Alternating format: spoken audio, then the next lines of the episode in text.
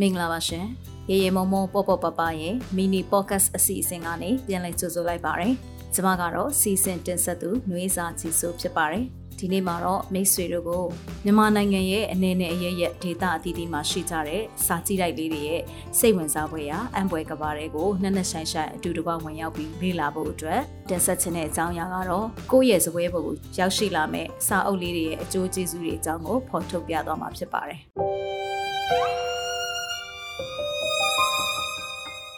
တကယ်တော့စာကြည့်လိုက်ဆိုတာကျမတို့ငယ်စဉ်ကတည်းက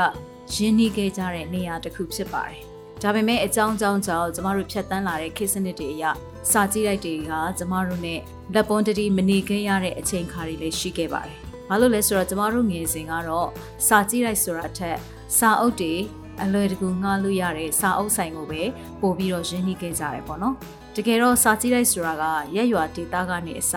ကြောင်ရုံ အဖွဲ့အစည်းအသီးသီးမှာခဏရက်အမျိုးမျိုးနဲ့အကြောင်းပြုပြီးတော့မှရှိတတ်ကြပါတယ်။ဒါပေမဲ့အဲ့ဒီစာကြည့်လိုက်တွေမှာဘလောက်ပဲစာအုပ်တွေပြည့်စုံအောင်ထားထားပတ်ဝန်းကျင်နေရအနေထားဘလောက်ပဲကောင်းကောင်းစာကြည့်လိုက်ကိုပံ့ပိုးလှုပ်ဆောင်ကြတဲ့သူတွေဘလောက်ပဲရှိရှိအဓိကဟာစာဖတ်သူဖြစ်တဲ့စာကြည့်လိုက်ကိုအသုံးပြုသူတွေရှိဖို့လိုအပ်ပါတယ်။တခါလေမှာစာကြည့်လိုက်ကိုအသုံးပြုခြင်းတဲ့သူတွေနဲ့စာကြည့်လိုက်နဲ့ဟာအလှမ်းဝေးနေတတ်ပါတယ်။ပထဝီအနေအထားရပဲဖြစ်ဖြစ်လမ်းပန်းဆက်သွယ်ရေးကြောင့်ပဲဖြစ်ဖြစ် ဝေးလံခေါင်ဖျားတဲ့ဒေသတွေမှာပဲဖြစ်ဖြစ်စာကြည့်လိုက်တွေဟာတနည်းမဟုတ်တနည်းနဲ့ရှိနေတဲ့တယ်လို့အဲ့ဒီလိုရှိနိုင်ဖို့အတွက်လည်းဝိုင်းဝန်းကူညီပြီးတော့မှစဉ်းစားလှုပ်ဆောင်ကြဖို့လိုအပ်ပါတယ်အထူးသဖြင့်ကလေးတငယ်တွေစာကြည့်လိုက်ကိုမရောက်လာနိုင်ဘူးဆိုရင်စာကြည့်လိုက်ကကလေးတငယ်တွေစီကိုရောက်ရှိလာအောင်ဘယ်လိုပုံစံမျိုးနဲ့လှုပ်ဆောင်မလဲဆိုတာကိုဒီနေ့ဒီခေတ်မှာအများကြီးစမ်းသစ်တီထွင်မှုတွေနဲ့ဖြည့်ဆည်းပြီးတော့မှလှုပ်လာကြပြီဖြစ်ပါတယ်။ ကျမတို့ငငယ်တုန်းကတော့စာကြည့်လိုက်တယ်ဆိုတာဟာအကြောင်းနေမှာရှိတယ်။ဒါပေမဲ့ကျမတို့ဟာအကြောင်းမျိုးမျိုးကြောင့်အဲ့ဒီစာကြည့်လိုက်တွေကိုယဉ်နီးထိတွေ့ခွင့်အားနည်းခဲ့တယ်။ကျမတို့ကိုယ်တိုင်ရဲ့အားနည်းချက်လည်းဖြစ်ပါတယ်။ဘာလို့လဲဆိုတော့စာကြည့်လိုက်ရဲ့အကျိုးကျေးဇူးတွေကိုကျမတို့ကောင်းကောင်းမသိခဲ့လို့ဖြစ်ပါတယ်။အခုချိန်မှာတော့ကိုယ့်ရဲ့လက်ထဲမှာရှိတဲ့ mobile phone တွေကနေတစ်ဆက်အနေနဲ့ရရမှာဘယ်လိုစာကြည့်လိုက်တွေရှိတယ်လဲဘယ်နေရာမှာရှိတယ်လဲ ဘယ်လိုဝန်ဆောင်မှုတွေပေးတယ်လဲဆိုတာကိုလည်းကျမတို့အလွယ်တကူလေ့လာနိုင်နေပြီဖြစ်ပါတယ်ဒီနေ့ခေတ်မှာဆိုလို့ရှိရင်တော်တော်များများသောလူငယ်တွေအထူးသဖြင့်ကလေးတွေရောပေါ့နော် screen time လို့ခေါ်တဲ့ဒီဖန်သားပြင်ပေါ်မှာကြည့်ရှုခြင်းဟာအရန်ကိုအချိန်ယူတဲ့ကိစ္စဖြစ်ပါတယ်အဲ့တော့ဒီလိုဖန်သားပြင်နဲ့အမြဲတမ်းလက်ပွန်တတိထိတွေ့နေတဲ့အခါမှာတကယ်ပြင်ပကိုထွက်ပြီးတော့မှစာကြည့်လိုက်ကိုတွားဖို့အတွက်အကြောင်းအမျိုးမျိုးကြောင့်နှောင့်နှေးခဲ့ရတာတွေရှိပါတယ်အဲ့ဒါကတော့ကျမတို့ ကိုဗစ်ကာလဖြစ်ခဲ့ပြီးတဲ့ကခါတိုင်းလိုပုတ်ပုတ်ပပသွားလာနိုင်တာမျိုးမဟုတ်ဘဲနဲ့ကျမကြီးနဲ့ပတ်သက်တဲ့အဆောင်အယောင်တွေကိုလည်းကျမတို့ကပြင်ဆင်ရတယ်။နောက်ပြီးတော့ခေတ်ကာလအနေအထားအရလူကြီးမိဘတွေရဲ့ကြက်မှတ်ပို့ဆောင်ခြင်းနဲ့ပဲသွားလို့ရနိုင်တာဖြစ်တယ်။ဒါကြောင့်မလို့ library တွေက user တွေစီကိုဘယ်လိုရောက်အောင်သွားမလဲဆိုတဲ့နည်းလမ်းကောင်းတွေကိုတီထွင်လာကြတယ်။အဲ့တော့ mobile application တွေပေါ်လာတယ်။ mobile app ကနေပြီးတော့မှကျမတို့တွေစာအုပ်တွေငှားရတာမျိုးဒါမှမဟုတ်စာအုပ်တွေကိုဝင်ပြီးတော့မှဖတ်လို့ရတာမျိုးဒီနေ့ဒီခေတ်မှာစာဖတ်နိုင်ဖို့နည်းလမ်းအမျိုးမျိုးနဲ့စူးစမ်းပြီးတော့ဖန်တီးလာကြတာကိုတွေ့ရပါတယ်။ တကယ်တမ်းကျတော့ရိုးရာစာဖတ်ခြင်းကိုပြန်ပြီးစဉ်းစားမယ်ဆိုရင်ကျမတို့တွေကဒီ screen တွေပေါ်မှာမြင်ရတာမျိုးမဟုတ်ဘဲနဲ့ imagination လို့ခေါ်တဲ့ဒီကြံစီစိတ်ကူးပြီးတော့မှစာအုပ်နဲ့အတူလိုက်ပြီးတော့ခန်းစားသက်ဝင်မှုလေ့လာမှတ်သားမှုတွေကိုလုပ်ရတာဖြစ်ပါတယ်။အဲ့တော့ဒီရိုးရာစာဖတ်ခြင်းနဲ့ပတ်သက်ပြီးတော့မှအခုခေတ်မှာဆိုရင်လေ e-book လို့ခေါ်တဲ့ electronic စာအုပ်တွေဖြစ်လာပြီဒီတော့စာအုပ်တအုပ်ကိုကျမတို့မဝင်နိုင်ရင်တော့မှ PDF တို့ e-book တို့စသဖြင့်ဒီလိုဟာတွေနဲ့ကျမတို့ပြန်ပြီးတော့မှ screen တွေပေါ်မှာဖတ်လာနိုင်တယ်ဒါဟာလဲ screen ကိုနှစ်သက်တဲ့သူတွေအတွက်စာအုပ်ကို screen ပေါ်ကိုရောက်အောင်ဖန်တီးကြတာဖြစ်တယ်ပေါ့နော်နောက်တစ်ခုကကြတော့မျက်လုံးနဲ့ဖတ်ဖို့အတွက်ခဲရင်ကြတဲ့သူတွေအမြင်အာရုံမတန်ဆွမ်းတဲ့သူတွေအတွက်ဆိုရင်ဒီစာသားတွေကိုပြန်ပြီးတော့မှအတန်နဲ့ဖတ်ပြီးတော့မှဖန်တီးပေးကြတဲ့သူတွေရှိလာတဲ့ online ပေါ်မှာဆိုရင်အခမဲ့ audio book audio channel တွေအများကြီးရှိတယ်အဲ့တော့ဒါတွေကိုလည်းကျမတို့အလွယ်တကူရယူသုံးစွဲနိုင်နေပြီဖြစ်ပါတယ်နောက်တစ်ခုကကြတော့ကျမတို့ application တွေကနေတဆင့်စာအုပ်တွေငှားတာတန်တွေဝင်ပြီးနားထောင်တာမြန်မာပြည်ကစာအုပ်စာတမ်းတွေမကဘဲနဲ့နိုင်ငံတကာမှာလက်တလောထွက်ရှိထားတဲ့ update ဖြစ်တဲ့စာအုပ်တွေကိုလည်းကျမတို့အတန်အားဖြင့်တော်၎င်းစာသားအားဖြင့်တော်၎င်းဖတ်ရှုနိုင်တာဖြစ်ပါတယ်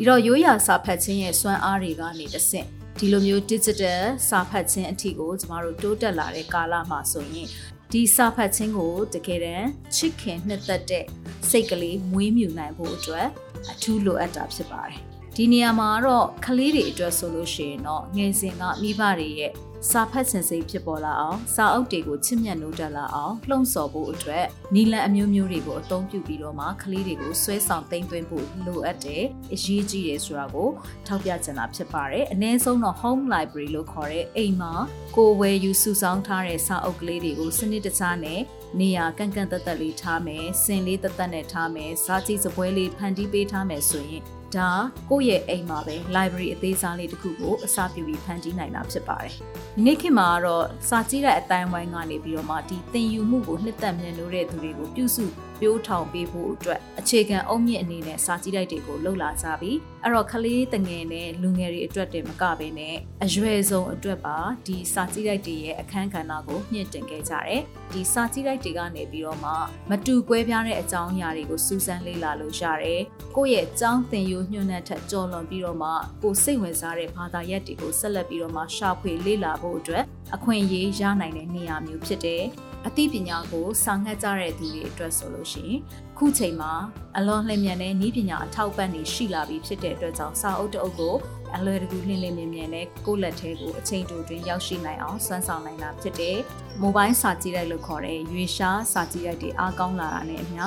စာအုပ်နဲ့အလှမ်းဝေးတဲ့ data တွေစာကြည့်လိုက် မရှိသေးတဲ့နေရာတွေမှာနေထိုင်ကြရတဲ့စာချစ်သူတွေအတွက်သူတို့ရဲ့အသက်သွေးကြောလိုဖြစ်တဲ့စာအုပ်တွေနဲ့ထိတွေ့ခွင့်ရဖို့နီလန်းတွေဟာလည်းတခုမကရှိနေပြီဖြစ်တဲ့အတွက်ကြောင့်မလို့ဒီနေ့ဒီခေတ်မှာစာဖတ်ဖို့အတွက်အလန့်မဝေးတော့ပါဘူး။နေ့တစ်နေ့မှာကိုအားလက်ချင်းရဲ့ဘယ်နှရာခိုင်နှုန်းကိုစာဖတ်ဖို့အတွက်ထားမလဲဒါမှမဟုတ် screen time ဘယ်နှရာခိုင်နှုန်းကိုကိုယ့်ရဲ့စာဖတ်ဖို့အတွက်အချိန်ယူမလဲဆိုတာကိုပေါ်မှာမူတည်ပါတယ်။အဲ့တော့မိတ်ဆွေကဘယ်နေရာမှာပဲနေသည်ဖြစ်စေအရင်ဆုံးတော့ကိုနဲ့အနီးစပ်ဆုံးရက်ရွာစာကြည့်လိုက်တင်နဲ့ချိတ်ဆက်ပြီးတော့မှအသိပညာဗဟုသုတတွေတွားပြီးတော့ရှာဖွေနိုင်တယ်။အခုခေတ်ဆိုလို့ရှိရင်ရက်ရွာစာကြည့်လိုက်တွေကနေသင်တန်းတွေအများကြီးပေးတယ်။ဟောပြောပွဲတွေဆွေးနွေးပွဲတွေလေ့ကျင့်သင်ကြားပေးမှုတွေကိုလည်းလုပ်ပေးနိုင်ပြီဖြစ်တယ်။ ဒီတော့စာကြည့်လိုက်ဆိုတာက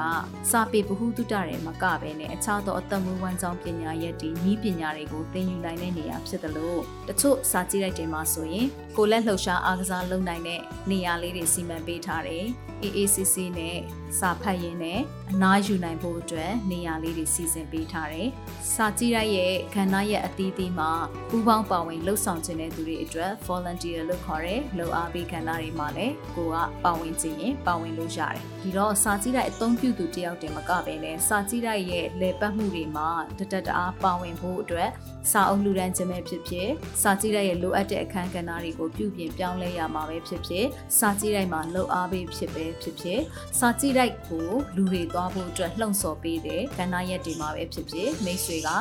ပါဝင်နေနိုင်ပြီဖြစ်ပါတယ်။တကယ်လို့မိတ်ဆွေက library ချစ်သူတယောက်ဆိုရင် အဲ့ဒီ data မှာရှိတဲ့စာချစ်သူအရွယ်ဆုံးအတွက်အလင်းတပွင့်ဖြစ်နိုင်အောင် library လေးတွေကိုစူးစမ်းဖော်ဆောင်ပေးလို့ရတယ်လို့စာအုပ်စာပေနဲ့အလှမ်းဝေးတဲ့သူတွေအတွက်လည်းသူတို့စီကိုစာအုပ်လေးတွေကိုအရောက်ပို့နိုင်အောင်လို့ရွေရှား library တွေကိုလည်းပူးပေါင်းဆောင်ရွက်ပေးဖို့လိုတယ်ဆိုတဲ့အကြောင်းကိုကျွန်မကပြောပြပေးချင်တာဖြစ်ပါတယ်။မိတ်ဆွေကိုယ်တိုင်လည်းစာဖတ်ခြင်းကိုနှစ်သက်မြတ်လို့ပြီးတော့စာဖတ်သူတွေများများပေါ်ပေါက်လာအောင်ရက်ရွာစာကြည့်လိုက်တဲ့ရဲ့အကျိုးကျေးဇူးတွေကို များများဖော်ထုတ်ပေးနိုင်တဲ့သူတွေဖြစ်ဖို့လိုပါတယ်။အဲ့တော့စာကြည့်လိုက်တစ်ခုကိုဘယ်လိုစနစ်တကျပြုစုပြိုးထောင်လေပတ်ရတယ်လဲဆိုတာကိုသိချင်တယ်ဆိုရင်တော့လက်တလုံးမှာဆိုရင်မြန်မာနိုင်ငံစာကြည့်တဲ့အသင်းကဖွင့်လှစ်တဲ့ basic course နဲ့ intermediate အဆင့်မြင့် course တွေကိုလည်း online ကနေ